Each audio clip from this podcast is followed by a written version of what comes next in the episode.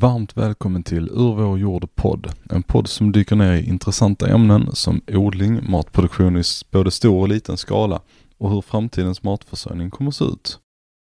I dagens avsnitt pratar vi bi och honung med biodlare Johan Israelsson. Johan har lång erfarenhet inom miljöskydd och ekologi och har på senare år sadlat om till biodlare. Hör honom berätta om att handskas med myndigheter, ta hand om bin och berätta om inte fullt så subtila skillnader olika honungssorter emellan. Johan Israelsson, du är biodlare och miljökonsult. Kallar vi miljökonsult? Ja, det kan vi göra. Ja. Miljökonsult, ja. Eh, du har varit biodlare sedan 2017 sa du. Eh, och har dina kupor. Vart, vart någonstans har du dina bikupor? Eh, jag har bikupor på flera håll. Här i Malmö så har jag det i, ehm, mestadels i utkanten. Utkanterna. Så det är gränsen mellan staden och landet. Ehm, och sen har jag ute på Österlen. Där jag har en liten sommarställe. Och där eh, specifikt så är den eh, placerade huvudbygården där ute i ett område med dels ekologisk äppelodling och sen eh, har jag samarbetat med en fröodlare som bara producerar ekologiska fröer och har testodlingar av örter. Så att i den där, inte i själva testodlingen men precis precis bredvid eh, så har jag med en huvudbegård, en av de större på 12-15 bikupor. Och ehm, det har varit ett, ett fint eh, samarbete bina pollinerar och använder fröna ifrån den här ekologiska fröodlingen. Och sen så eh, eh, blir det ett bra resultat för dem att utvärdera hur det funkar med, med så och grobarhet etc. Och sen har det blivit spännande honung eh, på de platserna. Så det har varit, känts fantastiskt fint. Jag kan tänka mig att det är många som eh, uppskattar samarbeten med dig som håller på med just sånt här. Alltså om det nu är äppelodling eller frö, fröodling och så vidare. För det, det är ju, det, det, hjälper ju ganska mycket.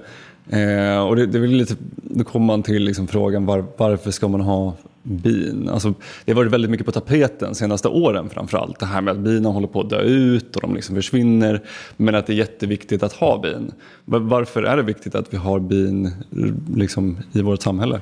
Alltså den viktigaste, dels är det ju en del i det ekologiska systemet. De utför liksom eh, små tjänster i ekologin. Men för oss människor så är den absolut största vinsten med eh, bina, om man nu säger så, eller nyttan med bina, det är att de pollinerar grödor, blommor. Och en stor del av eh, de grödorna som vi är beroende av när vi äter, helt enkelt, de eh, härrör sig ju på ett eller annat sätt ifrån pollinerade växter eller blommor. Så att för, bi, eh, för oss är bina nyttiga på det sättet. Sen är ju honungsbina en grupp av många pollinerande insekter.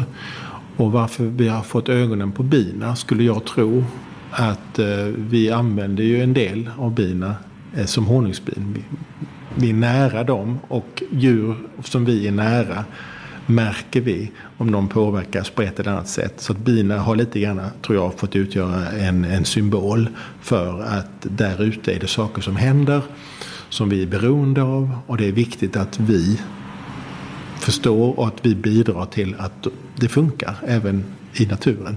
För den behöver vi, vi är en del av naturen. Så det viktigaste och mest värdefulla, till och med om man räknar på det ekonomiskt, är inte honungen utan det är pollineringen som, man ut, som bina utför. Och eh, i Sverige har vi ungefär 300 biarter.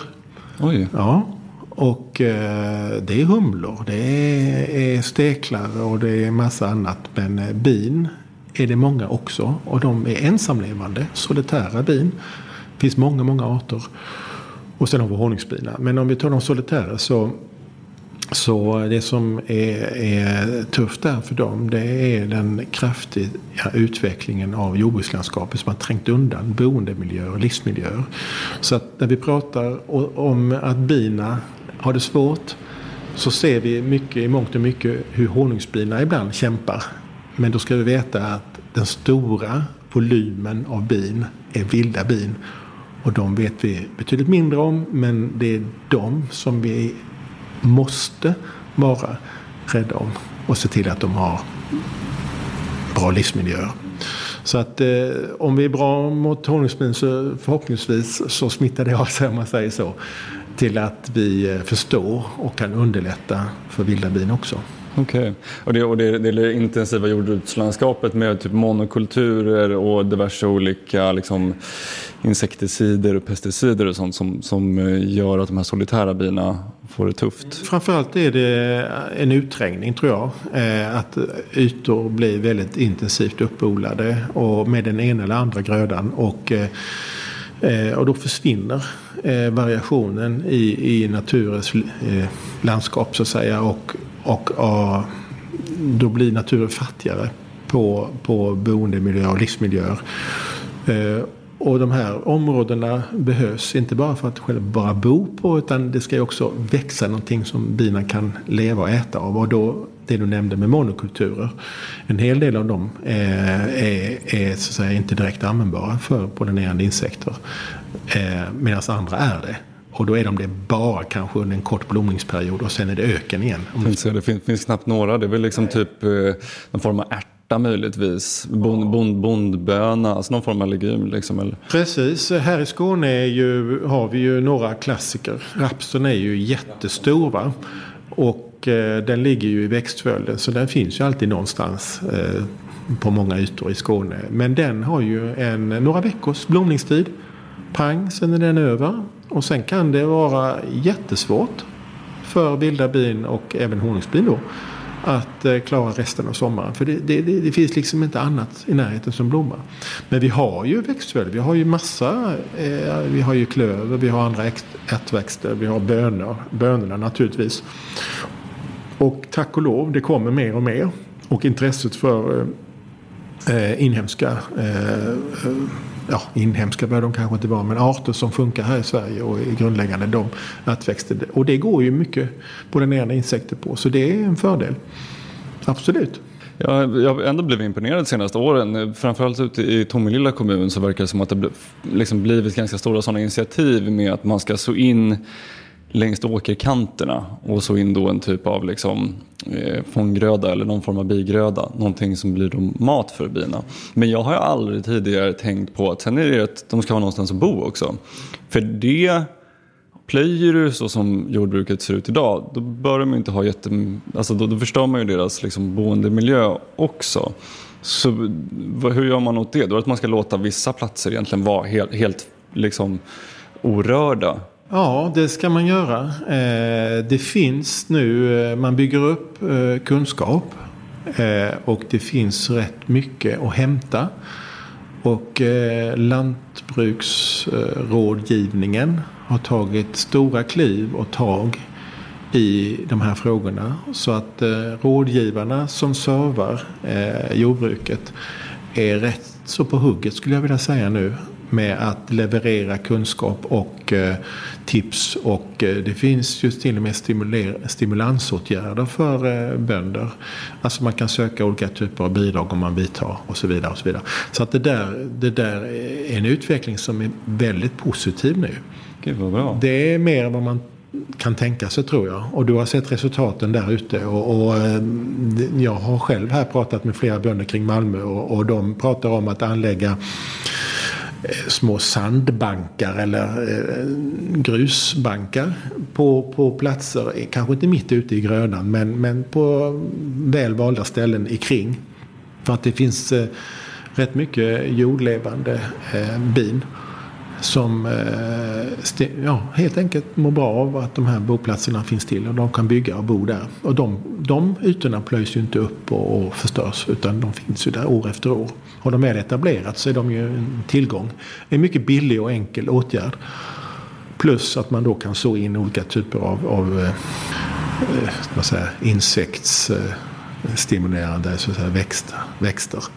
Till och med i växtföljd. Men det finns nu eh, försök där man eh, samsår eh, vissa grödor och blommor för att se om det kan bli win-win. Liksom. Jag håller på mycket, mycket med sånt. Alltså jag, jag rör inte min jord speciellt mycket generellt men sen så ser jag alltid till att det finns otroligt mycket blommor.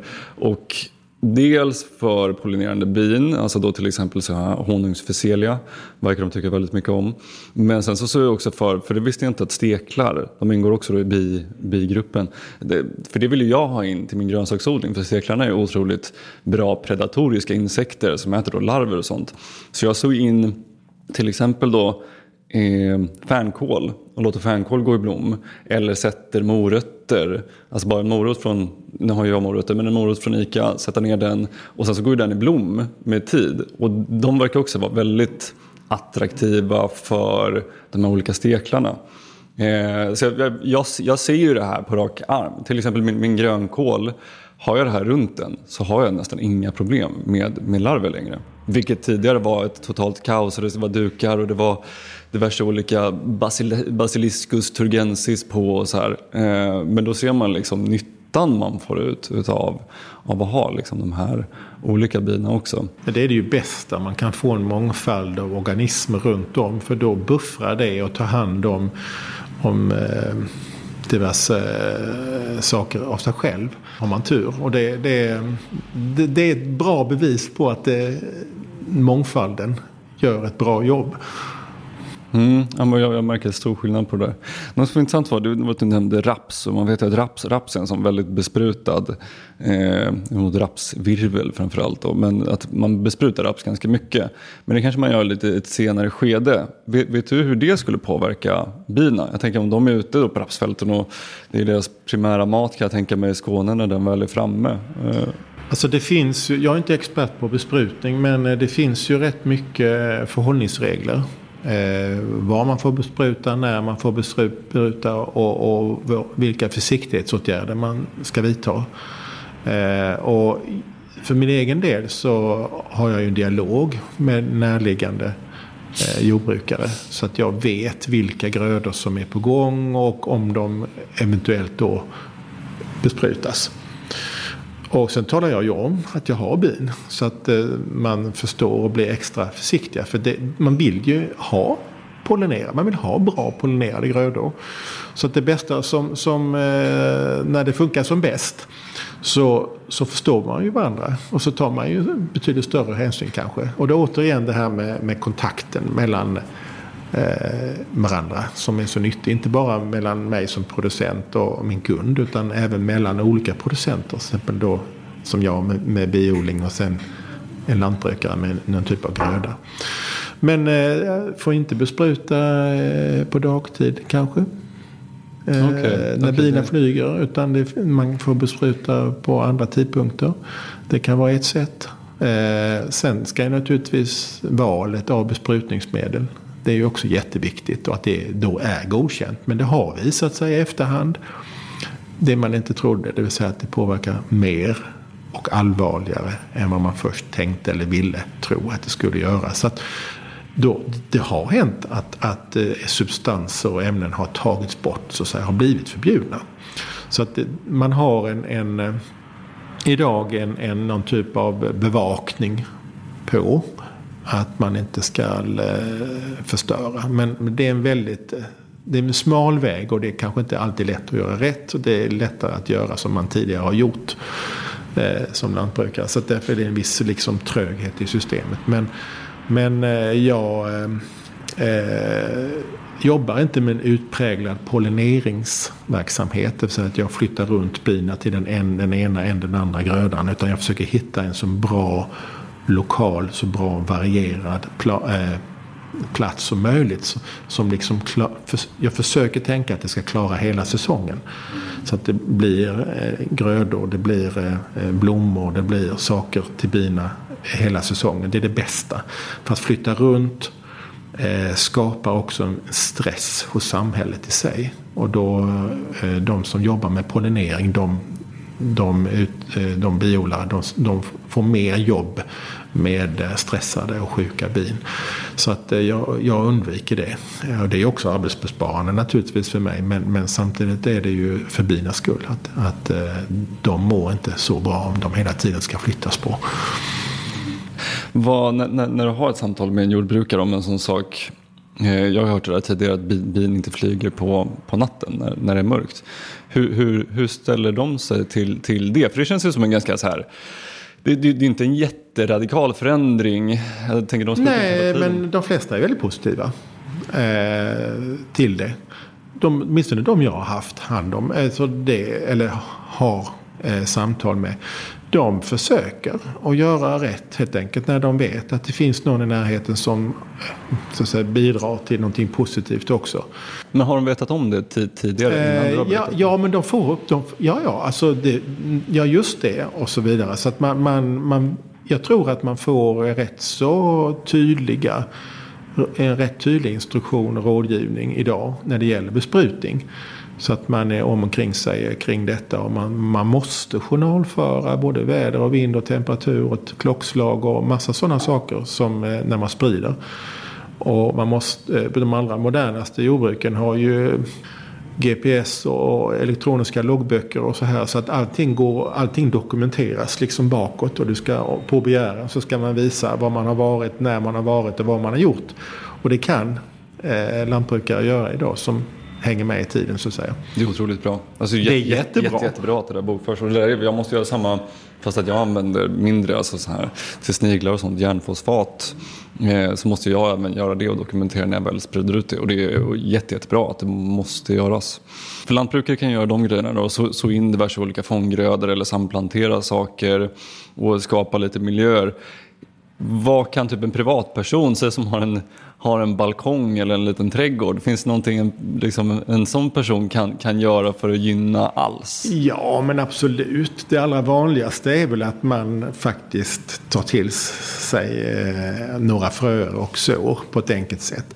De behöver ju inte vårdas sådär jättemycket mer än att de kanske ska ha rätt eh, balans mellan eh, torka och väta tänkte jag säga och inte mm, glömmas bort så att säga. För det är ju ändå, en liten blomlåda är ändå väldigt lite eh, substans att växa i. Så där måste man ju, tänkte säga, hjälpa till. Att, det, att hjälpa naturen att det fungerar. Torka gärna ut och så. Men om man har en liten plätt, en trädgård eller motsvarande, så är det ju att se till så att eh, Naturligtvis i blommor, det är alltid bra. Eh, men man får gärna låta lite snyggt ogräs växa upp här och var. Eh, maskrosorna är ett fantastiskt tillskott till eh, pollinerande insekter. Det är makalöst. Det är ingen som har en trädgård som vill höra det. Nej, och det vet jag inte. Jag tror det håller på att svänga faktiskt. Malmö stad låter ju många ytor, grönytor, växa upp på ett helt annat sätt idag än vad man gjorde för bara för tio år sedan. Eh, och det där kan man göra som privat också. Man låter en del av trädgården bli lite mer uppvuxen, lite mer vildare. Det spelar stor roll. Och faktum är att de få studier som hittills har gjorts eh, här i Skåne faktiskt. Där man har tittat på eh, stad och land. Där har det visat sig att variationsrikedomen i, i staden, med alla trädgårdar och grönytor, eh, är, är betydligt större än eh, på jordbruket på, här ute på slätten så att säga. Och, och det finns en, en, eh, en stor eh, artrikedom och det finns en, en livskraftighet, om man säger så, i, i bestånden som sträcker sig Eh, över en längre period under säsongen. Så att det är väldigt, man, kan, man ska inte tro att, att man inte gör något utan, eller kan göra någonting för det, det betyder jättemycket. Och jag har en del kupor in i stan också på, på väl valda platser. Jag ser ju där att, att eh, det är ett liv i dem eh, från tidig vår till sen höst. På ett helt annat sätt än de som står lite utanför. Så det, det, man kan göra mycket. Och som fastighetsägare eller fler där man har typ, eh, vad ska man ta till med, de stora eh, HSB eller motsvarande. De, kan, de har ju många fastigheter. Så att förändrar man sitt driftsystem och, och släpper upp buskar och örter i ena delen av, av, av grönytan eh, så är det en stor förändring totalt sett som är väldigt, väldigt positiv. Och, och det har ju faktiskt visat sig att människor mår bra av att se på vajande gräs och, och blommande blommor och så. Eh, mer än att se en snaggad gräsyta som är helt fri från, kliniskt fri från eh, Det kan jag tänka sig. Då kan man gå till golfbanan istället. Ja, det kan man ju göra om man vill det. Kanske en ny nisch för golfbanor att ta betalt för besökare. Verkligen. Jag vet, jag vet dels det här med att inte klippa gräset. Det var ju ett ganska stort initiativ förra sommaren. tror jag det kom, kom ganska mycket om, om just det. Så här, klipp inte gräset för att hur mycket liksom fördelar det finns för natur och, och liksom bin. Bin är alltid det som tas upp liksom först som sagt. Men, men egentligen alla, alla typer av insekter. Eh, är det någon... Jag, jag har ju märkt skillnader på liksom olika växter och blommor som liksom attraherar bin och humlor. Eh, finns det någon liksom typ av färg på blomma eller någon typ av blomma som attraherar bin mer eller mindre? Alltså är de, är de kräsna på något sätt eller de tar det som finns? Alltså honungsbin är inte särskilt kräsna. Det finns eh, blommor som är bättre än andra. Eh, det finns en väldigt fin eh, finns väldigt det finns några fina eh, skrifter som man kan hitta på Jordbruksverkets hemsida faktiskt. Eh, som eh, visar på vilka växter som är, är bra eh, biväxter kallar man det för. Och då är de bra både för eh, honungsbin och eh, andra vilda bin. Men det finns ju favoriter. Eh, det finns det ju. Maskrosor är en sån. Eh, du har rätt mycket av de här vanliga trädgårdsblommorna. Eh, inte rosor, de ger ingenting i princip. De är väldigt lite. Men bina är generalister. De är bra på det mesta. Eh, vissa blommor är, lite djupa och svåra att komma ner i. Eh, då funkar det inte. Då har i regel humlorna lite längre tunga. Så de kommer ner i lite djupare blommor. Då kan man se det ibland så är det väldigt mycket humlor på vissa blommor. Lavendel och, och vissa ärtväxter. Då, då är humlornas favorit. Men bina kan gå på det mesta. Eh, solitära bin eller vilda bin, de är i regel mer specialiserade. Det kan till och med vara så att de behöver vissa arter för att klara sig. Och, och, eh, och, det är deras räddning kanske eh, i konkurrens med många andra att de är bra på detta och så går de bara på det. Men det är också deras fall, kan vara deras fall. För finns inte de örterna, finns inte de växterna så har de ingen chans att, att liksom finnas kvar. Då slås de ut i konkurrensen. Men bina är generalister. Däremot så älskar de en eller ett par blommor åt gången. Så att när maskrosorna står i, i högblom då är det bara maskrosor. Tidigare på säsongen när säljen blommar i, i mars-april då är det bara säljen under några veckor. Och så håller det på så. Eh, det kan, ja, givetvis om det finns raps i närheten så raps är otroligt attraherande. Då är det bara rapsen som gäller. Är det den gula färgen då? Som Ja, det är inte den gula färgen tror jag. Eh, jag tror inte det är färg så mycket som eh, eh, nektarns eh, innehåll av socker. Och kanske typ av sockerblandning. För det är olika sockerarter eh, som attraherar. Och det har visat sig att, att växter eh, som vi nu kallar för biväxter de har i regel rätt så gott om nektar. Eh, sen eh, alldeles i slut eh, när, när bina flyger mot en, en, en nektarkälla. Alltså det är klart att alldeles i slutet kanske det här med färgen också har en viss attraktion. Men det verkar inte ha någon jättestor betydelse. Okej, okay. det, det, är en sån grej som jag, jag tycker mig Alltså det är klart, maskrosorna de kommer också lite tidigare och det känns som att det är en bra liksom, källa av mat för, för bina. Men generellt under säsongens gång så tycker man alltid se mer bin på vita blommor och mer humlor på gula blommor. Eh, sen, sen, är det liksom bara liksom helt generellt, det kanske är bara att det är de grödorna jag har som har vita och gula blommor. Eh, och då ofta lite större blommor. Sen är det ju att jag, jag såg in för de här steklarna och de andra typerna av bina då såg jag in sånt med väldigt små blommor. Och därav då koriander, dill, kummin, eh, mor morot, eh, fänkål. Eh, så där är någonting, och fiselia är en typisk sån som också är typ till bina.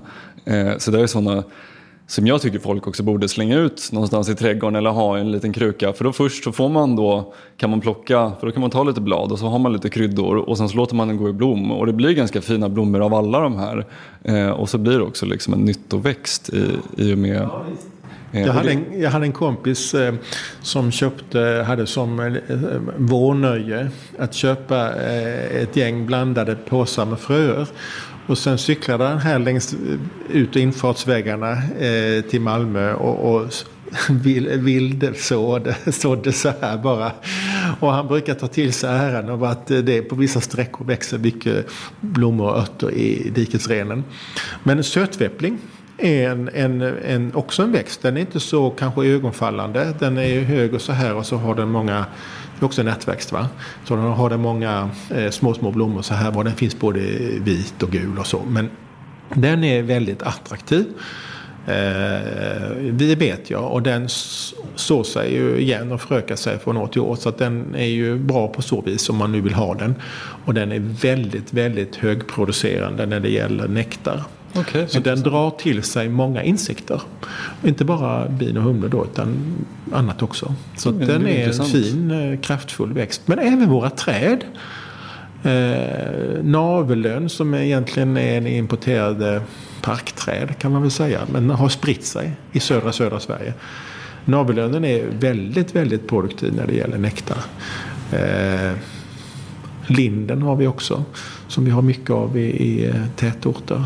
Och linden ger en väldigt speciell honung. Eh, men vi har också kastanj. Så att eh, träden, man tänker inte så mycket på att träd blommar. Men, men eh, det gör de ju. Man, man tänker på frukt, fruktträden ja, först och främst kanske. man tänker på frukter som har men... de klassiska blommorna så att säga. Ja, men även andra eh, större träd. Ek och al och björk. Lönn olika slag och kastanjer olika slag också. Ger en hel del eh, pollen och nektar.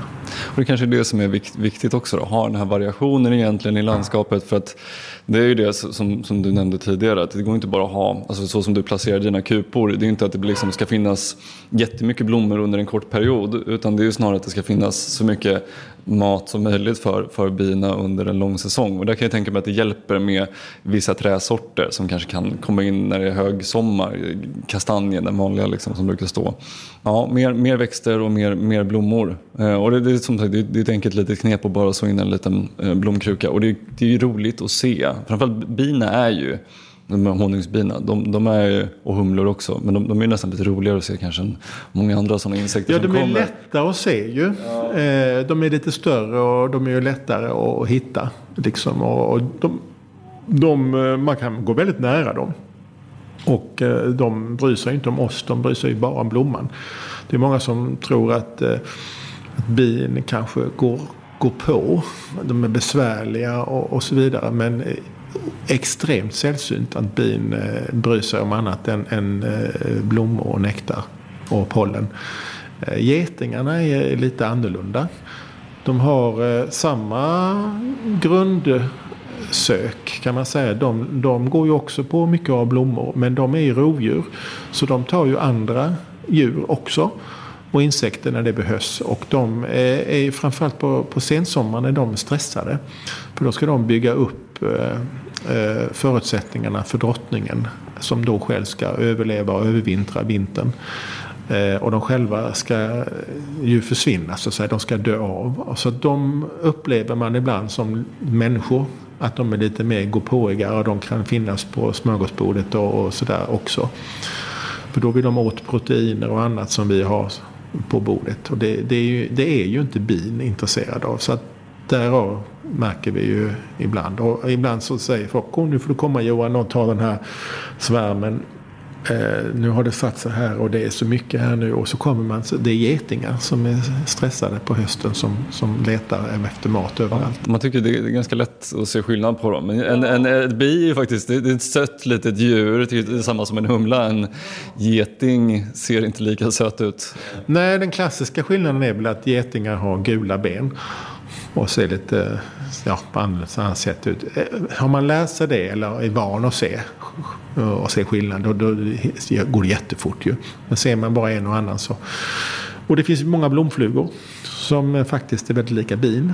Mm. Så ibland tar man fel på en blomfluga och ett bi. De är också jätte, jätte, mm. De gör mycket jobb ja. De är otroligt mycket. Deras larver, jag blir alltid glad när jag ser dem, framförallt i odlingstunnlarna. Eh, för deras larver äter tydligen eh, jättemycket eh, skadegörande insekter.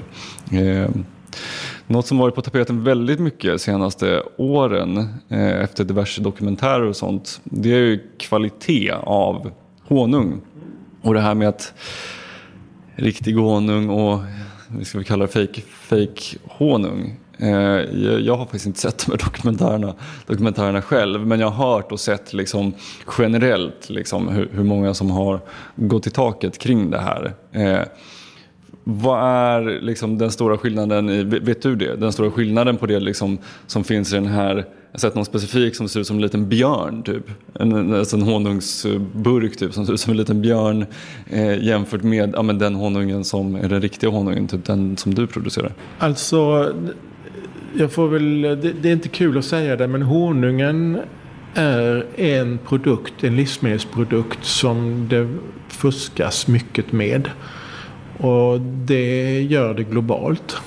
Det är en global företeelse. Det fuskas mycket med honung och anledningen till det är främst att det är otroligt mycket billigare att eh, tillverka fuskhonung av vanligt socker eh, än att eh, producera honung. Alltså vara biodlare, sköta bina, göra alla processsteg eller ja, hanteringssteg i alla fall.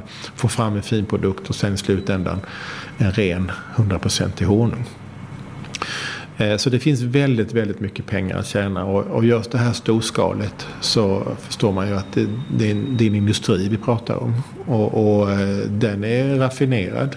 Där är ju storproducenter som som producerar enorma mängder eh, fuskhonung. Eh, och eh, det är väldigt svårt i vissa lägen att, eh, att detektera vad som är rätt och fel. Eh, för att sockerarter, eh, de som finns i, i äkta honung och sockerarter som finns i här, fabricerad honung. Eh, de är kemiskt besläktade och ibland väldigt lika varandra. Så det kan vara väldigt svårt att avgöra också om det är fusk eller inte. Men det viktigaste, en av de viktigaste sakerna eh, som finns med i äkta honung det är ju pollen. För pollenet finns ju naturligt som en del i, i eh, intaget till, hon, eh, till honungsbinas eh, kupa så att säga. Och det har man börjat att titta mer och mer på. Så man kan säga att man får, när man titt, analyserar äkta honung idag så får man ett fingeravtryck. Man kan till och med se i vilka områden eller världsdelar eh, som äkta honungen kommer ifrån på grund av polleninnehållet.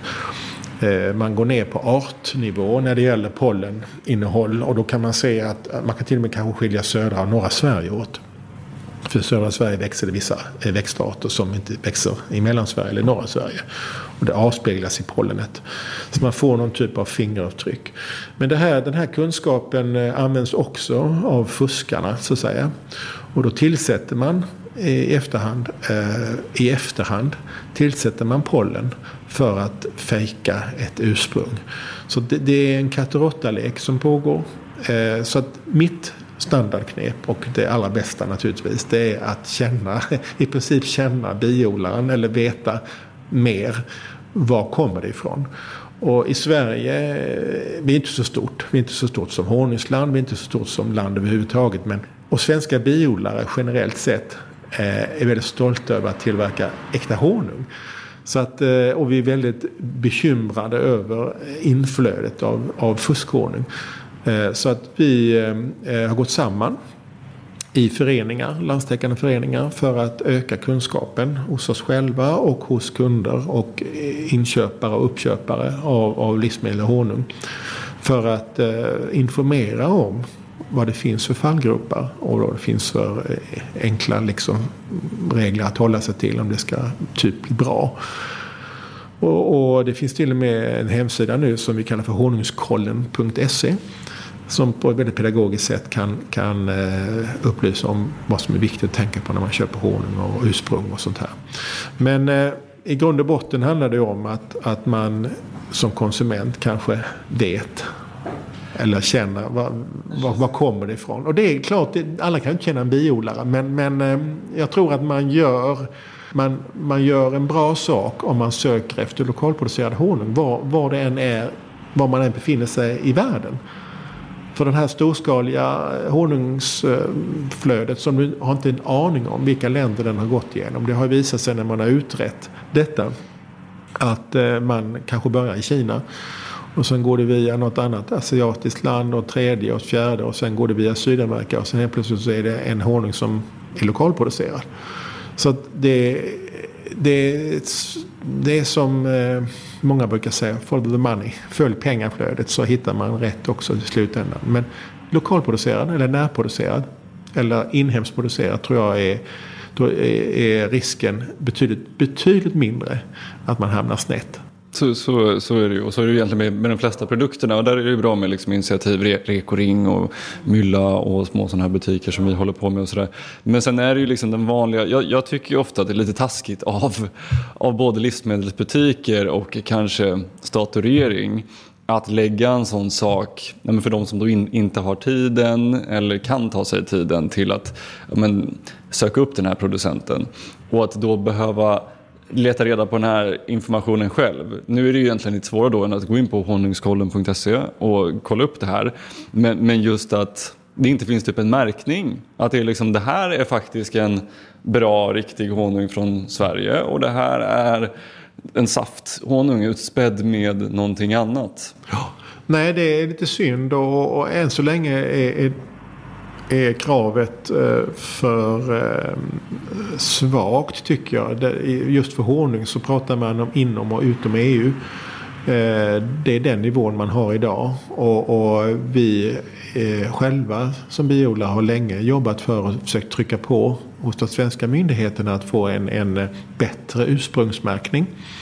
Och det tror jag gäller generellt för eh, flera eh, livsmedel, eller nästan alla tänkte jag säga. Men alltså det, det att det finns en bra och tydlig konsumentupplysning, en märkning. Som eh, så att säga, man kan gå i god för. Så att, säga. så att den kunden har, man gör det lätt för konsumenten att, att välja rätt. Och det gäller ju inte bara livsmedel, det gäller ju andra saker också. Eh, jag tycker att vi har så mycket Eh, kunskap kring vad som är, är bra och vad som är mindre bra. Så att man skulle kunna våga sig på eh, att göra detta. Och jag tycker rent ut sagt att det är konstigt att det inte redan har skett. Det är jättekonstigt. Alltså så, så för, för, för, producenter och även liksom de som jobbar inom de här, de vet ju skillnaden. De förstår de, de skulle ju kunna ganska snabbt nu ifall det nu hade fått liksom stöd och hjälp med att sätta en sån märkning eller vad det nu hade varit för någonting. De, de har ju koll på vad som är bra och inte. Eh, men att lägga över det här på, på någon annan som jobbar fem, sex dagar i veckan och har fyra barn och allt vad det är. Liksom. Jag, jag, kan tycka att det är lite taskigt mot, mot konsumenten. Men, men även då ifall det står till exempel svensk honung på, på en förpackning i, i en livsmedelsbutik i Sverige. Eh, då finns det ingen säkerhet att det faktiskt är ja, men då, riktig honung? Nej, alltså det finns, en, det finns naturligtvis en risk. Eh, och det är lätt att blanda korten. Alltså svensk honung, det är inget definierat begrepp. Den kan vara producerad i Sverige. Den kan vara förpackad i Sverige. Eh, men eh, om man går till sitt eget hjärta så säger, skriver man svensk honung så menar man att den är ju naturligtvis att den är producerad i Sverige. Det finns nu initiativ i branschen själv. Där man tar fram eh, ja, etiketter eller klisterlappar där man liksom då förtydligar för, för eh, konsumenten. Men det är ju det är ju branschens eget initiativ. Det behöver inte vara dåligt. Men eh, för att öka trovärdigheten hade det kanske varit mer tacksamt om det hade funnits en, en, en föreskriven liksom, eh, eh definition på det här. Och ett krav på ursprungsmärkning. För då, då ökar man ju trovärdigheten, tycker jag, i, i den här informationen. Eh, jag pratade ju väldigt, väldigt tidigt här i morse om, om kemikalier. Och det är, du kan alltid med självdeklaration hitta på vad som helst om du är ute i ett visst syfte. Och det är faktiskt precis det som sker med fuskkonungen.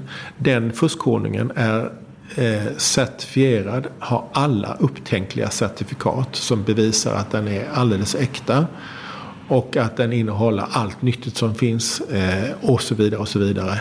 Eh, så att som konsument, om du ska liksom eh, titta på det här så blir du helt eh, lurad, fullständigt lurad.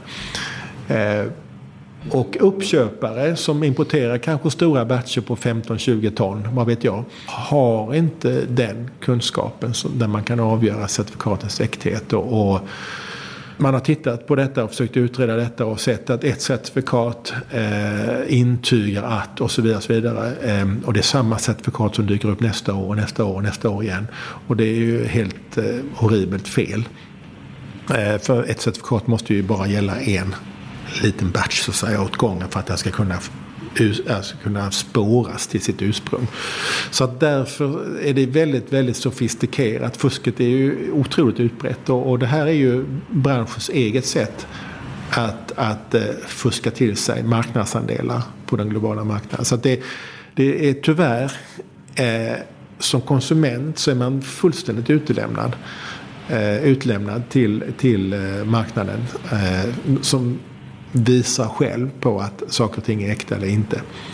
Eh, jag tycker att man borde kunna ta in det här och få en, en bättre så att säga kontroll och granskning. Inte för att jag är för byråkrati eh, egentligen men för konsumenten att göra rätt tänker jag att då finns det några enkla Eh, saker som har visat sig fungera i andra branscher. Det kan fungera även exempelvis för eh, honung. Jag tror att det är sånt som måste göras på egentligen majoriteten av produkter, produkter idag. Eh, vi kan inte lägga det här på konsumenterna helt, helt och hållet att de ska läsa på om alla olika artiklar och livsmedel och allt vad det är. För, för då är det någon som ska släppa jobbet och bara sitta och läsa det där. Jag tycker det är svårt med, med grönsaker fortfarande och grönsaksproduktion. Och när jag går, går liksom och ska köpa grönsaker under vintertid när jag inte producerar. Jätte, jättesvårt att veta. Alltså även fast det är ekologiskt. Då står det ekologiskt från Spanien. Jaha, men det vet ju inte mer än det. Ehm, det, det, är otroligt svårt. Jag vet inte.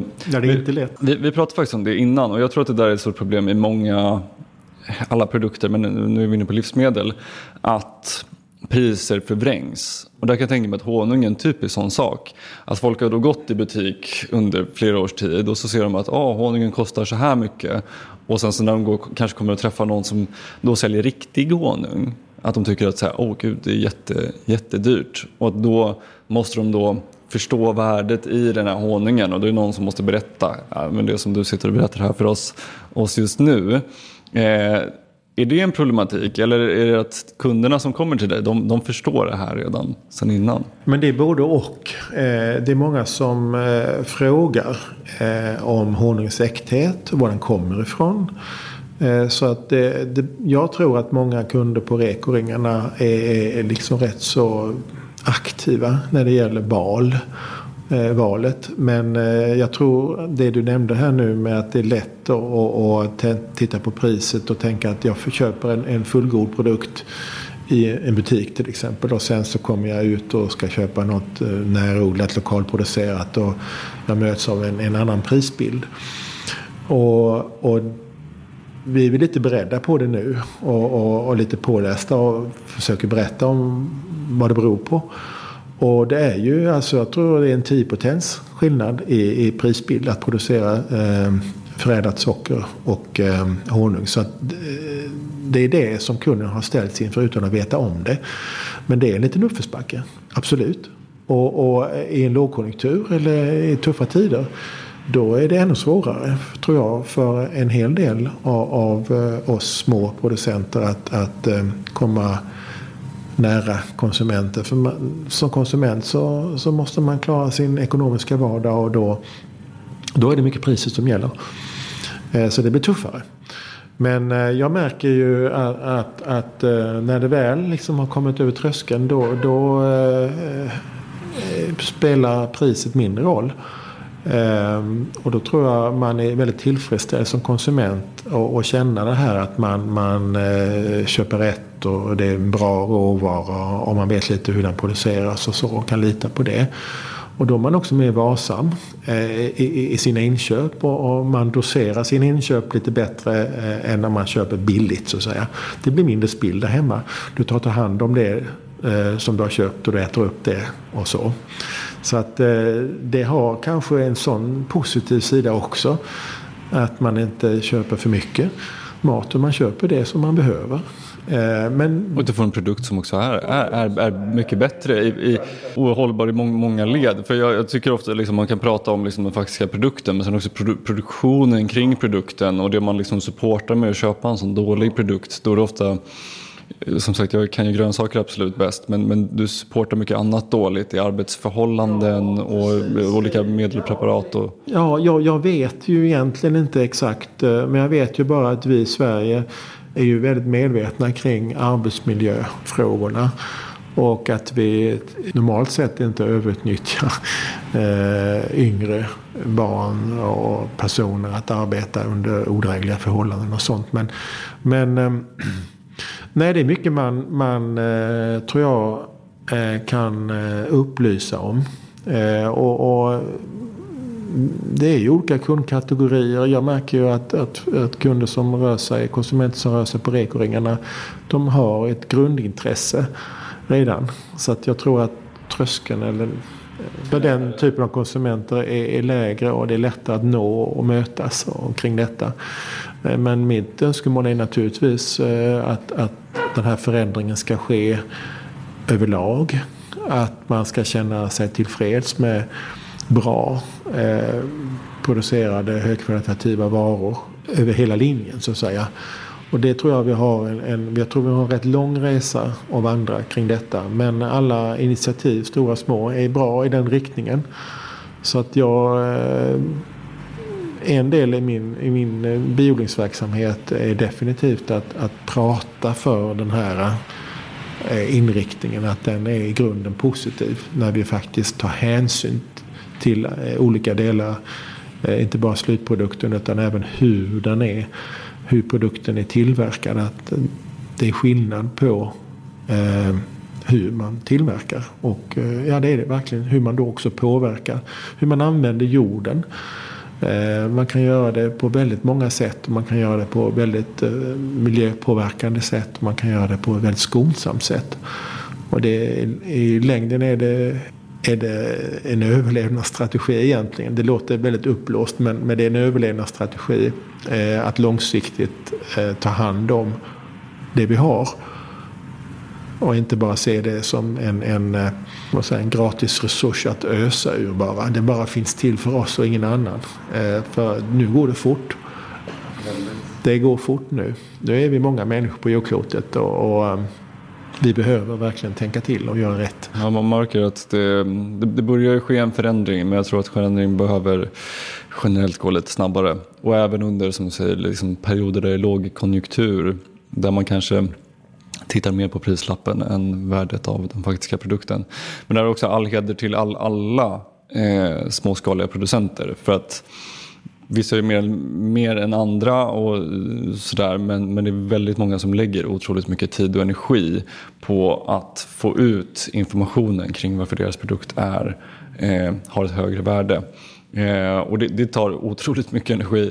Jag vet, jag, jag, jag gör ju det väldigt mycket och inte bara för mina produkter utan andras produkter också där man så liksom säljer in och liksom för en person står och lär någon liksom, i fem minuter om liksom, skillnaden på senapen eller honungen eller vad det nu är för någonting.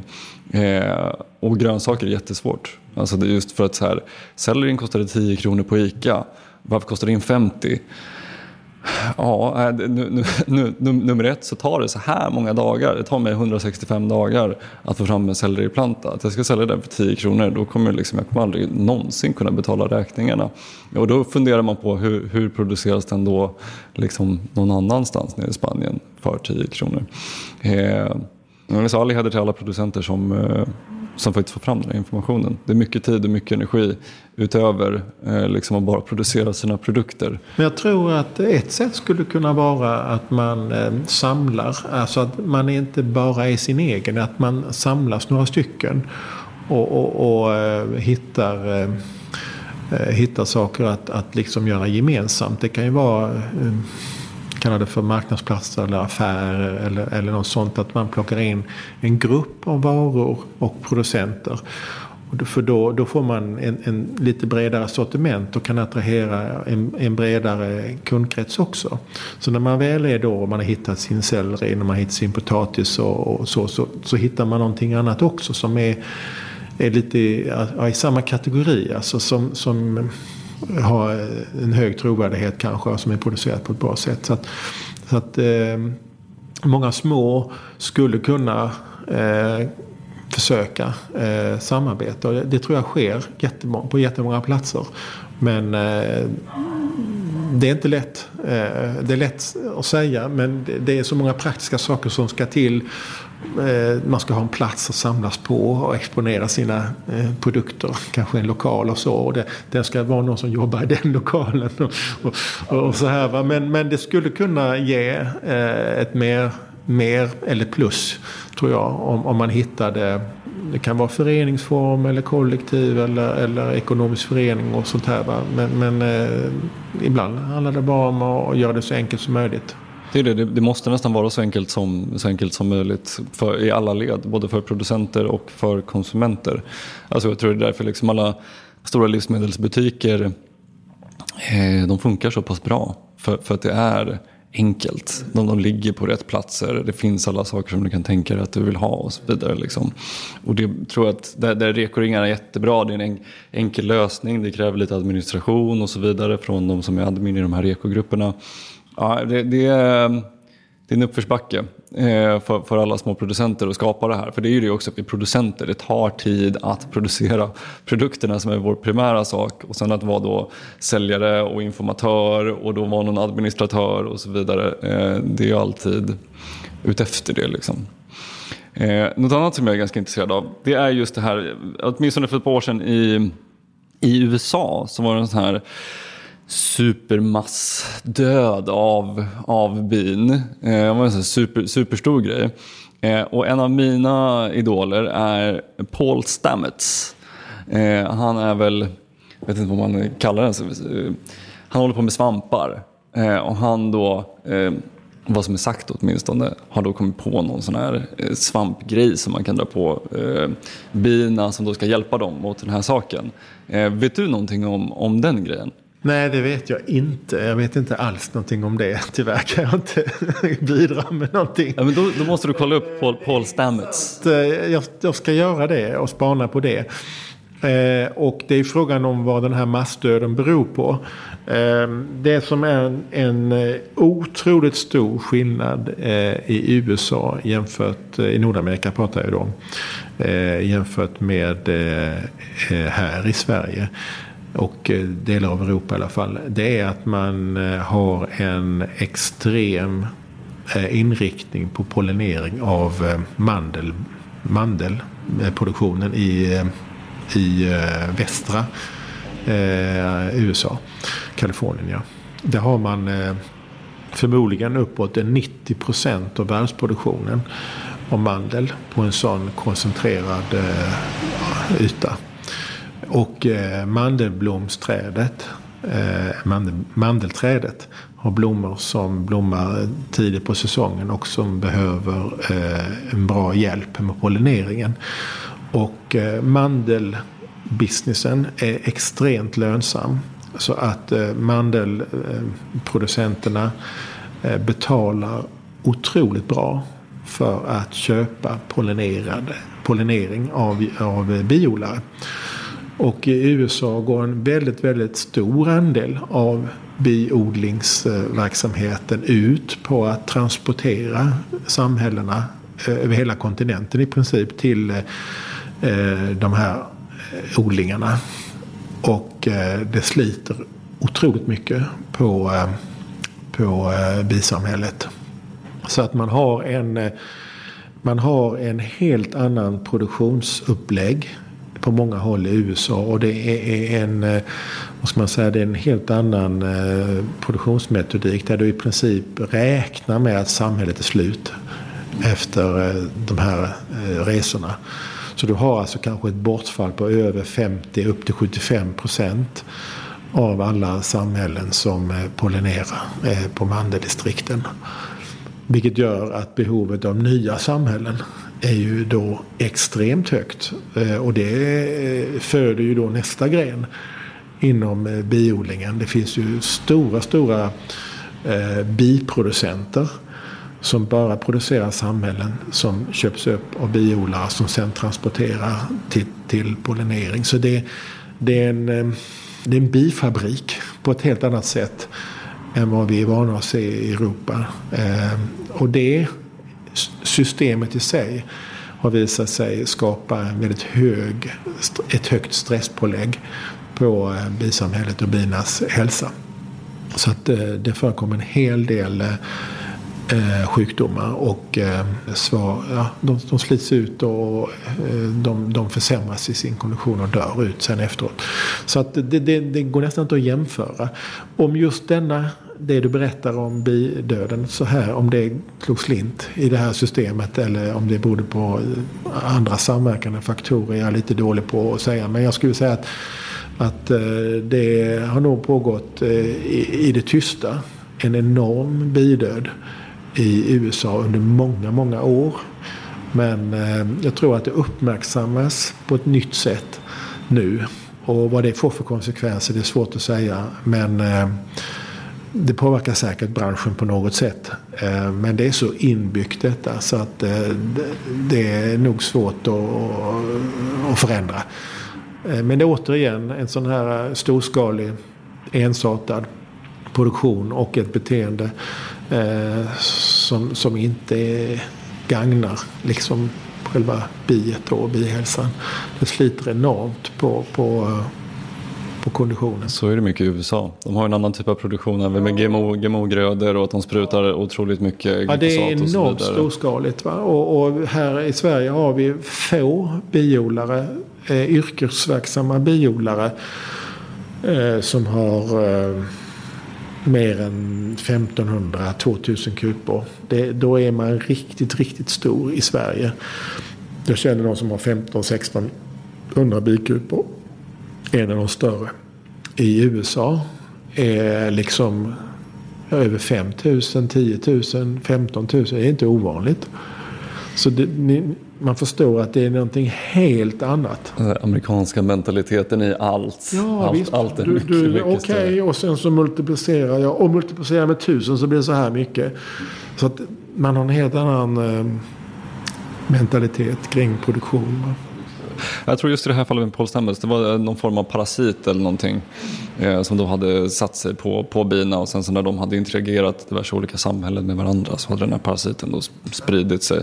Eh, och att han då gjorde någon form av mycele eh, som, som man liksom spridde i kuporna eh, och då kunde den här svampsporen då hjälpa till med, eh, det var så han, han, han är jätte, jättekänd inom liksom hela den här svampcommunityt men det var så han verkligen blommade ut eh, i USA. Är superstor, jättecool eh, cool gubbe.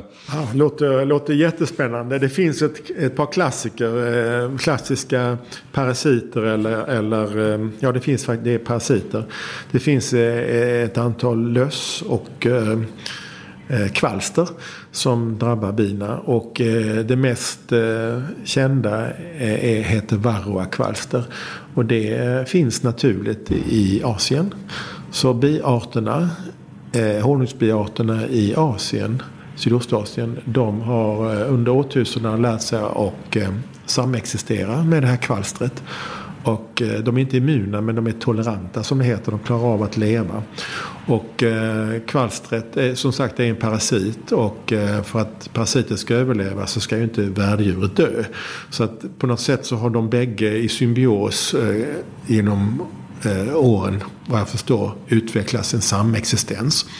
Eh, biodling på 1900-talet har, har blivit mer global.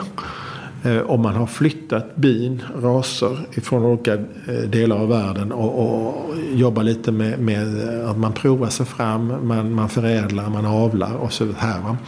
Och då har man också flyttat det den här kvalstret. Så att nu finns det här kvalstret nästan runt hela jordklotet. Och det är destruktivt för binas leverne så att säga. Så att det finns otroligt stora intressen av att hitta något Eh, om det är svampmycel eller, eller om det är något annat. Att hitta något som gör att bina eh, globalt sett och inte bara i, Asien då klarar av att samexistera med det här kvalstret. Men är det här någonting som påverkar dig, dig också? Ja, det påverkar mig också.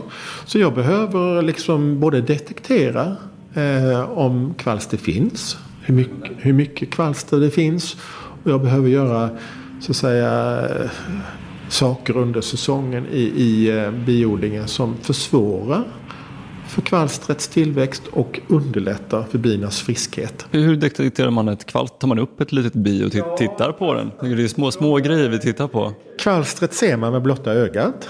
Ett fullvuxet kvalster och även kanske ett halvvuxet kvalster. Eh, och, eh, så det behöver man titta på och då kan man ta ut biprov Alltså man tar en, en eh, man fångar en, en, mugg med bin och så tittar man på dem och så ser man, kan man se kvalster på dem. Men det, det är rätt svårt. Eh, bina kryper omkring och, och, och kvalstret sitter någonstans på kroppen. Eh, så det är inte det bästa sättet. Utan man brukar ha ett litet nedfallsbricka under, under kupan, under boet eh, som man skjuter in och sen eh, låter man den eh, brickan sitta där i tio dagar. Eh, och sen tar man ut den och så tittar man på den brickan. Och då ser man hur mycket kvalster och annat som har fallit ned ifrån binas eh, bo faller ner. Och eh, det är maxmulor och massa annat också men, men där är, kan finnas kvalster. Och då har man lärt sig att vissa nivåer av kvalster är naturligt och eh, vissa nivåer då är det för högt så att säga. Va? Och är det för högt eh, så behöver man göra någonting beroende på när på säsongen man upptäcker det här. Och man vet att eh, upptäcker man höga nivåer av kvalster på försommaren eller våren så har man ett stort bekymmer för, eh, på kommande vinter. På vintern sitter bina stilla och är samlade i klot. De gör inte så mycket mer än att hålla värmen och då är de också väldigt utsatta för det här kvalstrets påverkan. Så att ha låga kvalstermängder, antal, när man går in i vintern. Det är en fördel givetvis då. Och då kan man eh, då kan man utsätta eh, kvalstret för svårigheter under året och då, eh, då eh, finns det olika metoder. Bland annat så eh, kan man, man har, det har visat sig att kvalstret har en förkärlek för att krypa ner i drönarceller när de växer. Drönarna är hanarna Eh, och arbetsbina är honor då. Men eh, i drönarcellerna när de eh, förpuppas så att säga, då kryper en, en kvalsterhona ner i puppan också. Och så lever den där. Eh, på, först lever den på lite överskott av fodersaft som ligger i puppan och sen så lever den på biet. Eh, på kroppsvätska av biet. Parasiterar helt enkelt på, på det unga biet som inte ens är fött. Va? Och det gör ju att, att eh, biet redan i, i, i det förpuppade stadiet eh, påverkas och eh, försämrar sin livskvalitet eller livsstyrka. Och, och, det, går till, det går så fort så att eh, bara på de här eh, 8 till 12 dagarna, nej, 10 till 12 dagarna som eh, drönarpuppan är förpuppad så hinner honan att lägga flera generationer Eh, ägg. Och det bildas rätt mycket kvalster i puppan. Så när, när biet föds och kryper ut ur cellen så kryper det också ut en mängd med, med kvalster ur den här cellen och kan infektera nästa cell. Så det, det, det, det, går, det, det kan tillväxa väldigt kraftigt under en period då bina själva under försommaren eh, lägger mycket Eh, har mycket ägg och yngel så att säga. Så det finns en samvariation mellan kvalstertillväxten och bisamhällets tillväxt under våren. Och då kan man antingen eh, sakta ner tillväxten om man vill för då blir inte kvalstermängden heller så stor. Man kan eh, skatta drönarcellerna, det vill säga att man tar ut skär ut lite drönarceller ifrån, ifrån bikakan och på så vis tar man bort kvalster ur bisamhället. Samtidigt har man ju bort drönarceller som skulle bli livskraftiga drönare. Men gör man det här på ett måttfullt sätt så har det visat sig att då, då hjälper man bisamhället över. Och det, det bildas nya eh, drönarceller eh, som är friska och som klarar sig. Så man kan tycka att det är ett grymt sätt att ta ut och det är lite det också. Men, men samtidigt så är det ju för samhällets överlevnad. Så man, det är ett ingrepp som man kan göra om man vill. Eh, och jag gör inte alltid det. Eh, jag tycker det är ett jobb att pyssla med att skära ut och sådär. Hålla på. Men, men, eh, och sen kan man också dela samhället längre fram på säsongen. Och det är ju egentligen eh, naturens eget sätt att förnya sig och, och vitalisera sig. Mogna samhällen, om de får leva i det, i det fria, om man säger så, svärmar och så det är ett, ett sätt för biodlaren att eh, efterlikna den naturliga svärmningen. Så kan man dela ett samhälle och då får man en nystart så att säga. Lite som en surdeg. Man, man, man tar en del och så låter man den bli ny. Eh, och så låter man det gamla fortsätta naturligtvis men, men det är det nya som man då eh, eventuellt kompenserar med om det gamla skulle eventuellt gå under. Är det här en problematik för, för biodlare just med kval, kvalstret? Eh, som är rätt ny. Kvalstret kom till Sverige i, i slutet på 1980-talet och början på 1990-talet och har spridit sig från söder till norr. Så att fortfarande finns det områden i norra Sverige som är helt kvalsterfria. Och man kan inte flytta bin och bisamhällen hur som helst i Sverige för att eh, man får inte flytta bin från ett så kallat smittat område till ett obesmittat om område. Och då som bi biodlare så måste man ha lite koll på det här? Man måste ha koll på detta, man måste ha kunskap om detta. Eh, man måste förhålla sig till detta naturligtvis. och, och Eh, det finns eh, till och med djurskydds och smittskyddsbestämmelser kring detta. Och, och, så det måste man följa. Det är reglerat i lagstiftningen. Både i Sverige och i andra länder. Eh, du kan inte importera eller exportera hur du vill heller utan veterinärgranskning och sådant var provtagning. Så det, det är förknippat med rätt stora, stort ansvar att vara biodlare. För det, det, det, jag vet ju också när, när bina kom på tapeten att det är många som liksom har då tänkt att ja, men då kan jag ha en liten bikupa i min, min trädgård. Misstänker att då, då tänker man att det är en ganska passiv, passiv verksamhet som man, liksom, man ställer där och sen så tar man honungen när det är dags för det och sen så gör man inte så mycket mer. Eh, vad, vad, vad, säger du om en alltså sån Jag tycker i grund och botten att eh, har man bin för eh, att de bidrar med en ekotjänst. Så säga, de, de, eh, lever i, de lever på och eh, de pollinerar eh, blommor och så. Det är, det är, det är till nytta. Absolut. Men samtidigt så finns det den här ansvarssidan. Och jag menar att likväl som du skaffar dig en, en hundvalp eller en katt eller en anka eller en kanin, ett marsvin eller vad du nu kanske tar till dig det är ju inte bara att det är gulligt och för din egen vidkommande. Utan det är ju att du har ett ansvar. Och det är samma med bin.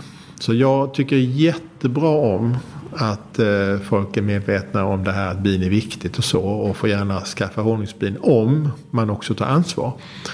Och det finns, och det kan inte jag välja. Har du väl skaffat djuren så lyder du under djurskyddslagen och de smittskyddsbestämmelser som finns. Och då eh, måste du ha kunskap om det. Och då gör det ju naturligtvis eh, bra om du skaffar den kunskapen. Men skaffar du inte den kunskapen så kan du till och med bidra till någonting dåligt. Så jag vill eh, höja ett varningens finger, ett varningens finger till eh, eh, att man blir en så kallad månskensbiodlare då va? och bara tycker det är gulligt. För man har ett ansvar och i värsta, värsta fall så kan man ju naturligtvis bidra till en riktigt dåligt. Om ditt samhälle blir smittat eller är smittat. Du känner inte till kanske att det har en smitta med sig när du köper det. Du har inte den kunskapen. Då kan du ju eh, bidra kanske till att sprida en smitta som är allvarlig. Eh, och då, då kan du förstöra för, eh, för väldigt många eh, andra. Både eh, biodlare naturligtvis och lite vilda bin. Nu har man nu på sistone förstått att smittan kan faktiskt överföras. Sen om de påverkas på lika eh, sätt, det, det eh, kanske inte man har kunskap om ännu. Eller vet så mycket om vad jag har sett. Jag följer det här rätt noga. Men definitivt så kan man sabotera och förstöra väldigt mycket för kringliggande biodlare. Så därför är vi jätteintresserade av att bidra till att de som, och upplysa att de som skaffar sig bin lär sig vad det är man handskas med. Har du någon rekommendation för, för någon som skulle vilja skaffa en kupa? Var, var, var är den liksom, är det att skaffa en bok och sen finns allting där eller finns det något, något annat ja, sätt? Alltså, absolut, det finns jättefina böcker. Eh, bra böcker, lättfattliga böcker på svenska. Eh, de är inte särskilt dyra, det kostar några hundralappar och du kan hitta begagnade ex som, som liksom billigare än så, absolut. Eh, du, eh, vi i Malmö biodlarförening som jag är aktiv i också. Vi, vi bidrar gärna till att, att ta hand om intresserade Och vi, vi bedriver egen kursverksamhet också. Ja, och jag har egen kursverksamhet vid sidan av, så säger jag till folk som hör av sig. Så att läsa en bok, vad det handlar om, absolut. Kontakta kanske en lokal biodlarförening eller någon biodlare man känner och hör och frågar. Ehm, man kanske kan hitta en mentor. Jag tror att det, det låter som en, det brukar vara ett bra sätt att lära sig saker på. Att ha någon med faktisk erfarenhet och inte bara, bara en bok. Nej, så man kan gå bredvid. Va? För det är skillnad på boken och verkligheten. Det, det har jag upplevt och det upplever de flesta som, som börjar med biodling. Man, man tittar på bina, de ser gulliga ut och si och så. Men sen eh, är det i verkligheten kan det se rätt mycket annorlunda ut också. Eh, och, och, och, det, då vet man inte vad man ska göra. Eller om man ska göra någonting. Och, gör man någonting så ska man naturligtvis inte chansa. Utan då ska man göra mer rätt än fel. I min inställning. Då är det bra att ha en mentor som har, har gått, i, gått igenom de här processerna själv och har erfarenhet sen, sen tidigare. Så bi, biodlar, biodlarföreningar, böcker och försöker hitta en biodlare. Kanske man går en kurs och skaffar en mentor ett bisamhälle eller som biodlare. Hur ser ditt år ut i generella, generella drag? Jag misstänker att så här års är det inte, inte fullt ös. Nej, nu är det ju vinter fortfarande och, och eh, om man inte tror det så, så kan det ju komma snö ända fram i april. Eh, I Skåne också. Eh, nej, men på vintern så, så eh, bidrar man sig tid. Man förbereder säsongen. Man ser till att utrustning är i skick. Eh, saker som behöver tvättas och rengöras och smältas om. Vaxet är en väldigt, väldigt värdefull produkt. Det är en 100% naturlig produkt eh, som kommer av att bina eh, producerar vax. Så det är en eh, vegetarisk produkt kan man väl egentligen säga. Eh, och det tar man hand om för det är en värdefull resurs och det kan man återanvända i sin biodling. Så det, det, det är sånt man sysslar med och sen planerar man sin, eh, sin verksamhet också. Det finns ju tid till. Eh, ska man utöka? Ska man minska? Ska man förändra i sitt produktsortiment och köpa hem eh, utrustning eller materiel? Förpackningar, glas. Jag tvättar ju återvunna, eller återinlämnade glasburkar numera. För jag tycker det kan finnas skäl att cirkulera glas. Det är ett fantastiskt ämne. När det väl är gjort så håller det ju hur bra som helst. Eh, och sen är det att planera. Så att i eh, mars tittar man efter i bikuporna lite, lite försiktigt. Eh, är det liv i dem? Och då räcker det ofta med att lyfta på locket och hålla handen ovanpå och titta ner i, i mellan eh, ramarna och se, är det liv? Och är det lite värme och är det det så är locket på igen och sen så väntar man ytterligare tills, tills eh, säljen börjar blomma och då kan man kan man eh, titta lite noggrannare för om drottningen har överlevt vintern. Och eh, oftast har hon ju det. Och då kommer samhället igång och, och äter av det foder som har lagrats eh, på hösten innan. Och sen börjar det samla ny, nytt eh, ute. Och, och, då börjar äggläggningen och sen går det fort. I, i april, maj är det en enorm tillväxt i samhället. Och då för mig som biodlare så tittar man till samhället kanske var tionde, var fjortonde dag. Och eh, fram i slutet på april, i början på maj så är det dags för att sätta på ytterligare lådor. För då, då är samhället så stort så att då, då behöver det mer plats. Och då sätter man på ytterligare en låda med ramar och sen så växer samhället upp i de här lådorna under säsongen. Och det är väldigt, väldigt eh, tillfredsställande som biodlare att märka att bina har ett ordningssinne. För de, de bygger boet längst ner. Det är de delarna eh, av kupan där, man, där, där de också övervintrar. Men där stannar boet. Och sen ovanför boet så samlar bina honung. Så för biodlaren så är det otroligt praktiskt att det är på det viset. Därför att då blir det de övre, övre lådorna som man sedan, när de är fulla och mogna, kan skörda om man nu jobbar med att skörda honung. Så framåt eh, slutet på maj eh, och i början på juni så är det ofta dags att eh, eh skörda de första honungsramarna.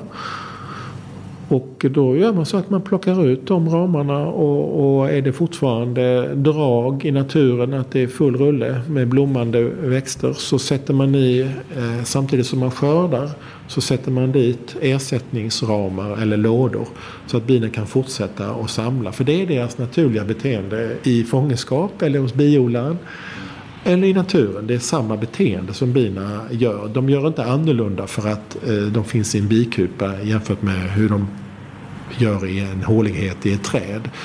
Så vi måste liksom anpassa oss till hur naturen handskas med detta. Så att då skördas det och man sätter på nya skattlådor. Och skörden tar man hand om. Eh, det är ett fantastiskt eh, Eh, det är fantastiskt roligt att titta på hur bina har samlat. De har samlat honung, de har förseglat honungen bakom ett tunt eh, lager av, av, eh, av vax. Som man måste täcka av innan man kan slunga ut honungen ur ramarna i en liten snurra. Antingen för hand eller med hjälp av en liten motorsnurra. Och då slungas honungen ut ifrån vaxkakorna i en trumma och sen rinner den ner på kanterna och sen kan man samla upp den och sila och samla upp den. För den, oftast är den lite, lite vaxpartiklar och sådant i honungen som blir i, i slungningen. Och sen får honungen stå i ett par dagar och klarna som det heter. Då eh, flyter alla vaxpartiklar och lättare partiklar upp till ytan. Och honungen i övrigt blir klar. Då är den ju flytande när den är nyslungad. Eh, så den är lätt att liksom eh, hantera. Och nästa steg i princip det är bara att hälla den på burk. Du kan behöva finsila den. Men eh, så lite hantering som möjligt innan den hamnar i burken tycker jag är det bästa. För att ju mer man rör och grejar med honungen ju mer tappar den i, i, i i smak och, och doft kan man säga. Så att det är väl en gyllene regel att han, hantera honungen så lite som möjligt, så enkelt som möjligt till burken. Och varsamt för att då får du mesta möjliga kvalitet kvar i honungen.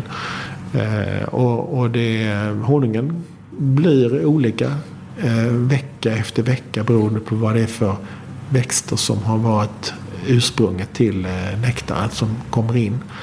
Så är du, är du väldigt eh, eh flitig som biodlare så kan du skörda kanske tidigt några, eh, några ramar med maskroshonung. Sen kanske det kommer några ramar eller en låda med kanske raps här i Skåne.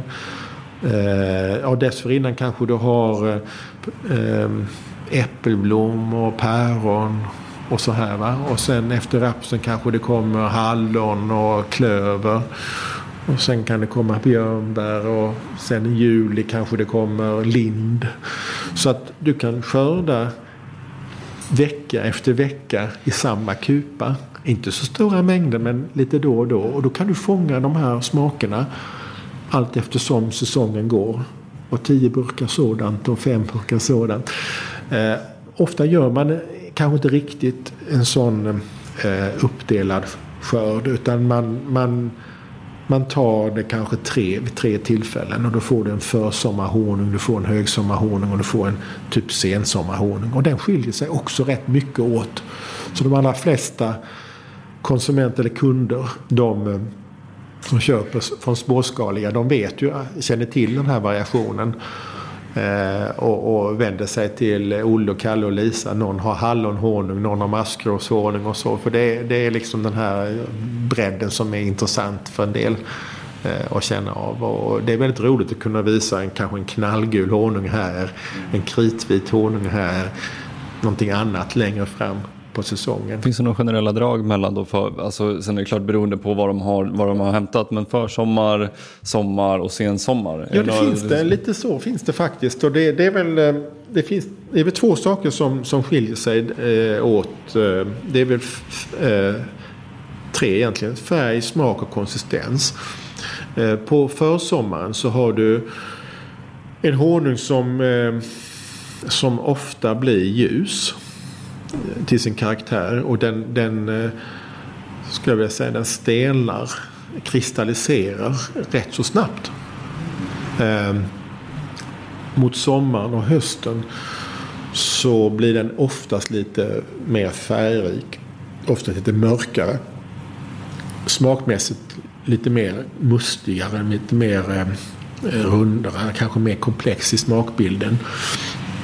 Och eh, det tar längre tid på sig att kristallisera. Och sen hösthonung kan ta rätt lång tid på sig att kristallisera. Och sockerarterna i honungen, det finns ett antal sockerarter, eh, kanske upp till en 8-10 stycken sockerarter. Men de dominerande sockerarterna är druvsocker och fruktsocker. Och det är det som är skillnaden mellan vår försommarhonung och hösthonung. Att fördelningen mellan eh, fruktsocker och druvsocker är lite olika på vår och höst. Och det påverkar också hur honungens struktur och kristallisering går till. Så generellt då, den, den tidiga honungen lite lättare, ljusare? Den sen... kan vara mildare smak, smak och finkristallin. Och hösthonungen kan vara lösare. Mm, lite och djupare. Lite och... djupare och mer färgrik, kanske lite mörkare då. och låter man den honungen eh, så blir inte den finkristallin som försommarhonung utan den blir grov. Då uppfattar, eh, då uppfattar man konen när man säger att den är sockrig i konsistensen. Och det har ingenting med tillsatt socker att göra utan det har ju med att sockerkristallerna är av en annan eh, sockerart. Och att de har fått ha längre tid på sig att kristallisera och då växer kristallerna sig lite större i honungen. Så att det är en prima produkt eh, men den är, kan vara helt skild och annorlunda än, än den där. Det är ju tjusningen och bredden. Det är ju naturen vi pratar om så att det är ju häftigt att den har den här eh, spännvidden.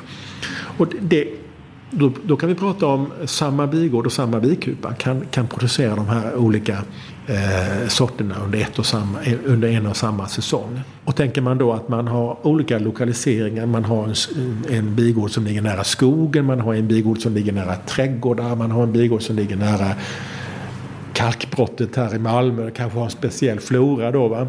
Och då får du en, en helt speciell honung. Så det är väldigt roligt som biodlare att placera sina bigårdar på lite eh, eh fiffiga platser så att säga. För då kan du få en, en egen honung så att säga som bara smakar som den på den platsen.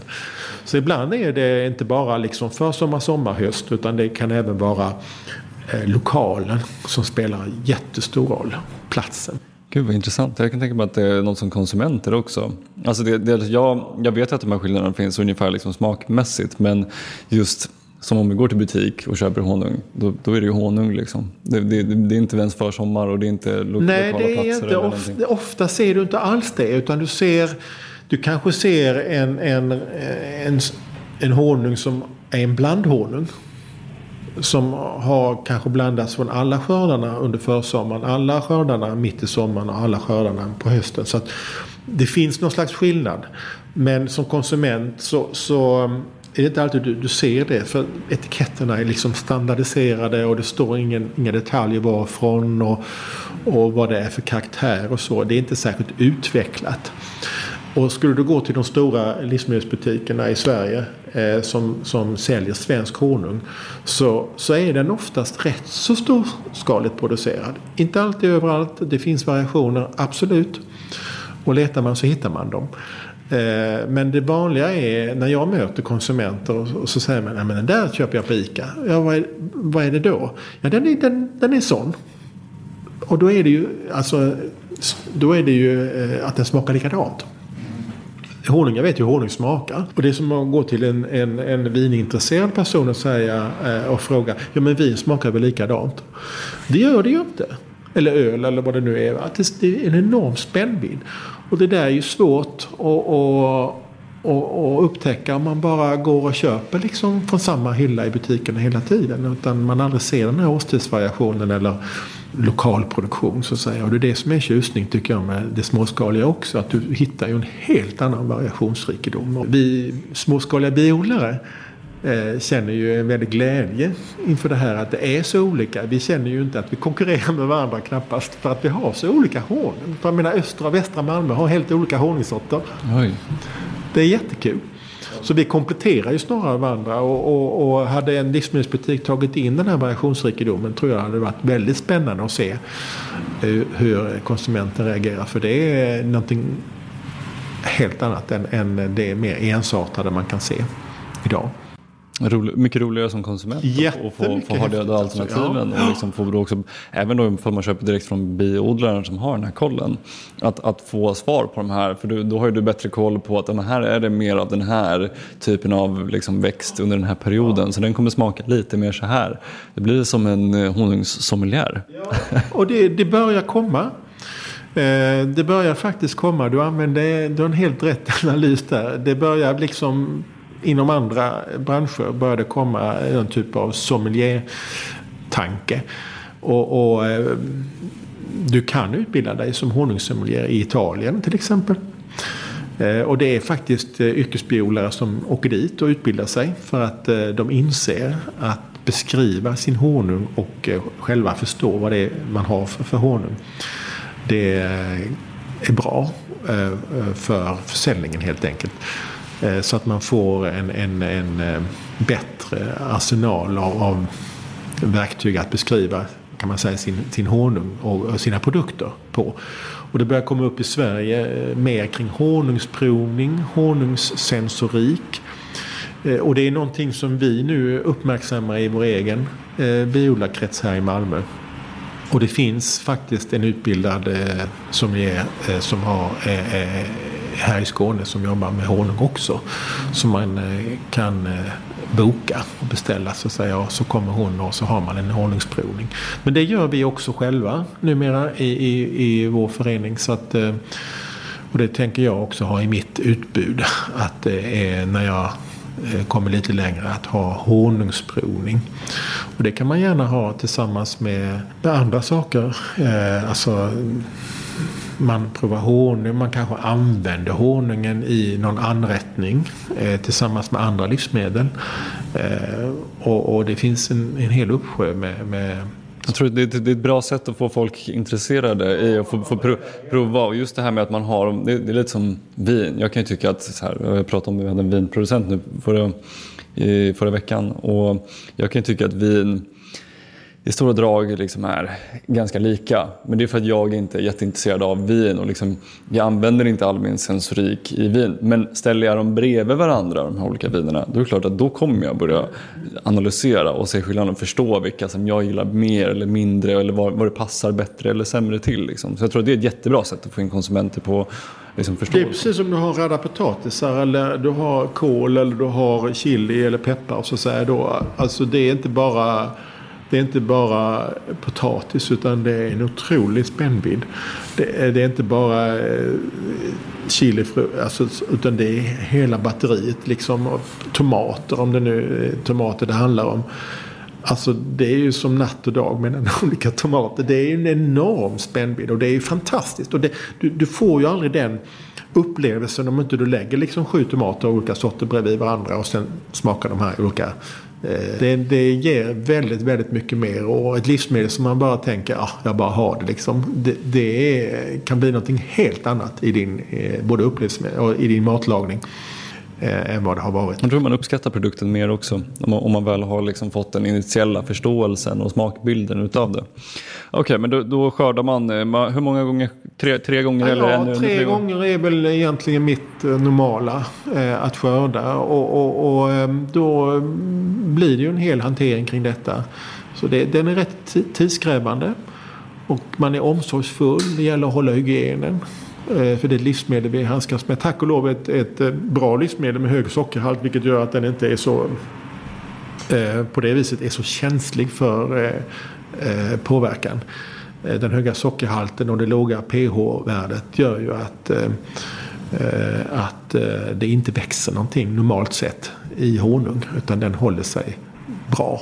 Och förvaras den på ett bra sätt så är den en väldigt hållbar produkt. Men det är inte alltid man lyckas med det. Men, men eh, ibland kan det börja jäsa. Eh, och, och eh, då, då tappar den ju sin primära liksom e, primära egenskaper. Eh, den jästa honungen kan mycket väl användas till andra saker men, men eh, den är inte så att säga fullgod som, som honung kan man säga direkt utan då, då kan man ha den till att göra mjöd eller att baka med och så vidare. Så att, eller att ha i olika typer av anrättningar. Ehm, det är faktiskt så att jäst honung har blivit prisad nu för, eh, eh, för ehm, sina egenskaper. Om man har en kontrollerad jäsning, du säger inte en överjäsning, hej och hå, utan en kontrollerad liten svag jäsning, då kan den addera egenskaper som gör att den blir eh, attraktiv så att säga som, som eh, ingrediens i annat. Jag tänkte säga det, det är lite som vin, vinmakeri. Alltså man introducerar en rätt typ av gäststam liksom, så, så, att man får ut andra för gäst, gästen hjälper till att bryta ner sockret så att det kommer fram andra smak, smakämnen. Och då sist, sista skörden för dig då, den är? Ja den är den kan vara i slutet på juli, i, i första hälften av augusti om det är en, en lång sommar med, med mycket blommor. Och då går sista skörden i början på augusti och, och, och sen så är det förberedelse för invintring. Då minskas volymen eh, i bikupan ner till eh, en eller två lådor och det är där som eh, samhället ska övervintra. Så det ser man också till att göra. Eh, hjälpa bisamhället att, att eh, få en lagom stor boning inför vintern.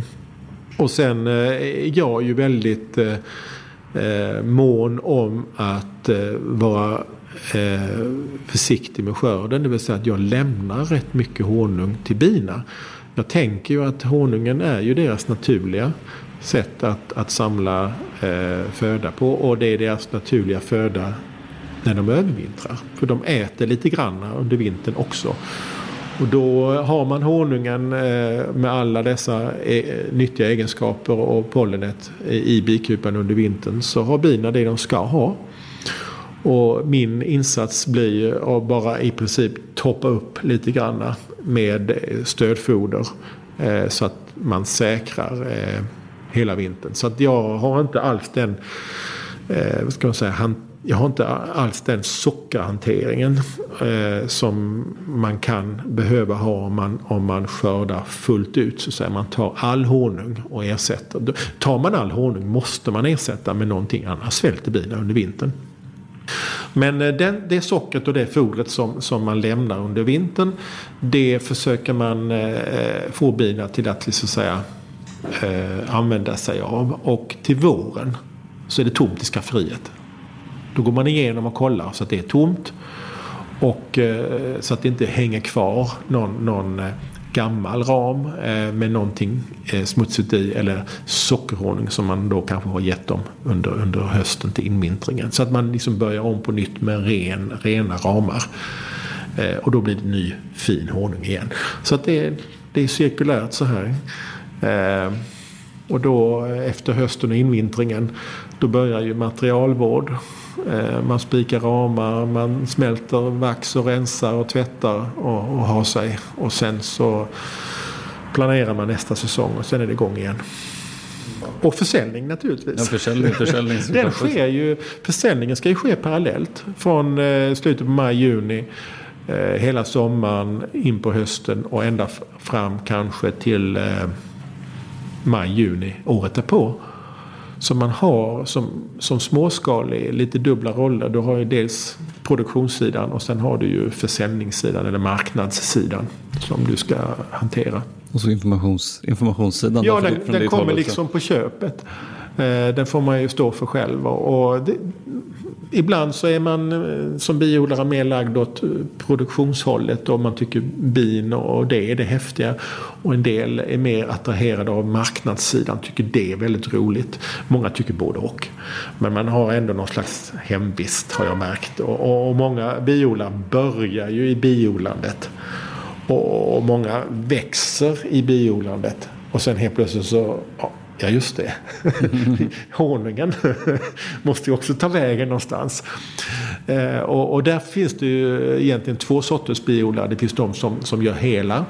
De tar hand om honungen själva, gör den, eh, förpackar den och det blir en konsumentprodukt. Eller så finns det biodlare som skördar och säljer av honungen i bulk till en kompis. Eh, eller en honungsfabrik i Sverige. Så det finns det är olika sätt bara att... att eh, Och var, var hittar man eh, dig någonstans och dina produkter? Ja, mig hittar man ju eh, på rekoringarna i huvudsak. Och sen så är det mun till Rekoring Malmö. Ja. Malmö, Limhamn och Kirseberg. Jag har tidigare varit både i Oxie och eh, nere i Höllviken, Vellinge. Men eh, jag har stannat för Malmö nu. Jag tycker att det är lagom för mig. Så att det är på rekoringarna. Och sen har, har eh, kunderna spridit budskapet mun till mun. Eh, och så det är väl egentligen så det har varit i dagsläget. Jag har en nisch eh, med andelsbiodling också. Och den, den kundgruppen eh, sprider gärna eh, budskapet att eh, de är andelsbiodlare. Så att det kommer in nya andelsbiodlare lite pö om pö. Men jag har egentligen eh, inte ansträngt mig särskilt mycket hittills för att eh, få nya kunder och så. Utan jag har haft en rätt så småskalig verksamhet och, och eh, det har liksom rullat, rullat på lite försiktigt. Och eh, vi får se hur det blir framöver. Det låter naturligt. Och förhoppningsvis har vi din honung här, här i vår, vår butik också. Det hade varit Eh, spännande. På, ja, men det, det kommer, nu när vi har all information så är det ju bara ännu roligare. Dels att vi kan hänvisa till det här men också att eh, nu har jag fått sitta och lyssna på det här så nu är det min tur att sprida informationen vidare. Du Johan, underbart eh, trevligt att du kom hit och jag är jättetacksam för all information och jobbet du gör med, både med bina och eh, med all information som du sprider. Tack så hemskt. Tack själv. Om ni uppskattar det vi gör här med podden så får ni hemskt gärna berätta det för oss och såklart ställa många frågor.